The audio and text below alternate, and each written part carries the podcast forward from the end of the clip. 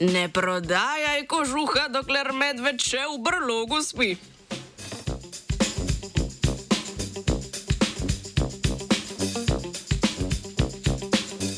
Venska tromboza je stanje, ko krvni strdek zapre žilo in prepreči pretok krvi. To lahko tako pri človeku kot pri drugih sesalcih privede do pljučne embolije in smrti. Med pogostejšimi vzroki zamašitve žile s krvnim strdkom je dolgotrajna imobilizacija, ki je pri ljudeh lahko posledica debelosti ali dolgotrajnega zdravljenja poškodbe. Skupina raziskovalcev iz Nemčije, Švedske, Norveške in Združenega kraljestva je preučevala mehanizme, ki pri rjavem medvedu v 4 do 7 mesečnem obdobju hibernacije preprečujejo čezmerno starjevanje krvi.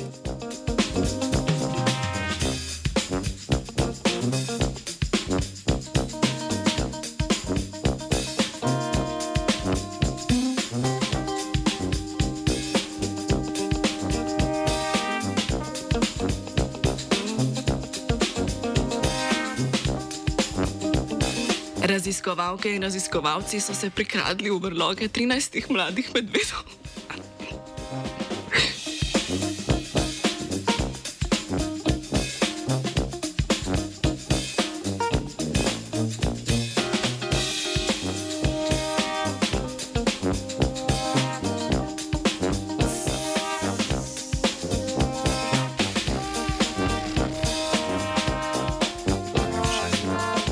Raziskovalke in raziskovalci so se prikradli v brloge 13 mladih medvedov ter jim med zimskim počitkom vzeli kri za analizo.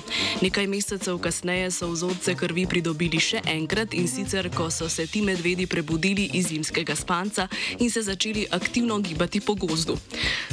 Raziskovalna skupina je ugotovila, da se med hibernacijo medvedja kri strjuje počasneje, kljub dehidriranosti in nižji telesni temperaturi, ki sicer lahko povečuje koagulacijo krvi.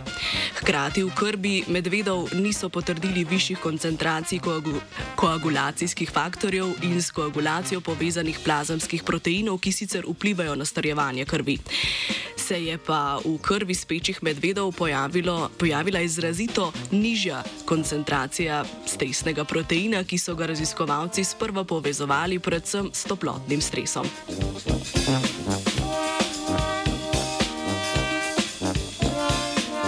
Ko so raziskovalci in raziskovalke s pretočno citometrijo preučevali vpliv stresnega proteina na koagulacijo krvi, so ugotovili, da vpliva na tvorbo neutrofilnih ekstracelularnih pasti.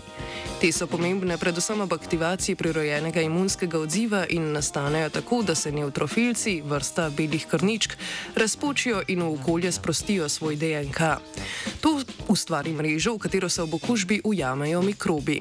V tako past se lahko ujamejo tudi druge krvne celice, kar lahko privede do tvorbe krvnih skupkov.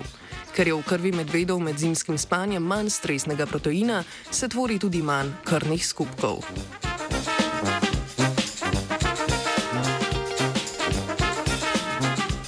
Glede na izsledke raziskovalne skupine bi lahko v prihodnosti pacijente in pacijentke, ki so dalj časa imobilizirani pred vensko trombozo, zavarovali z uravnavanjem krvne koncentracije stresnega proteina.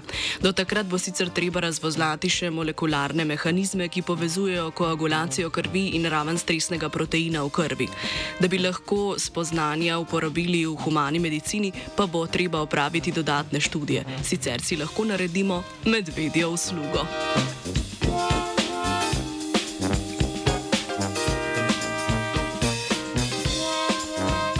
Brez venske tromboze se je danes prebudil Tim.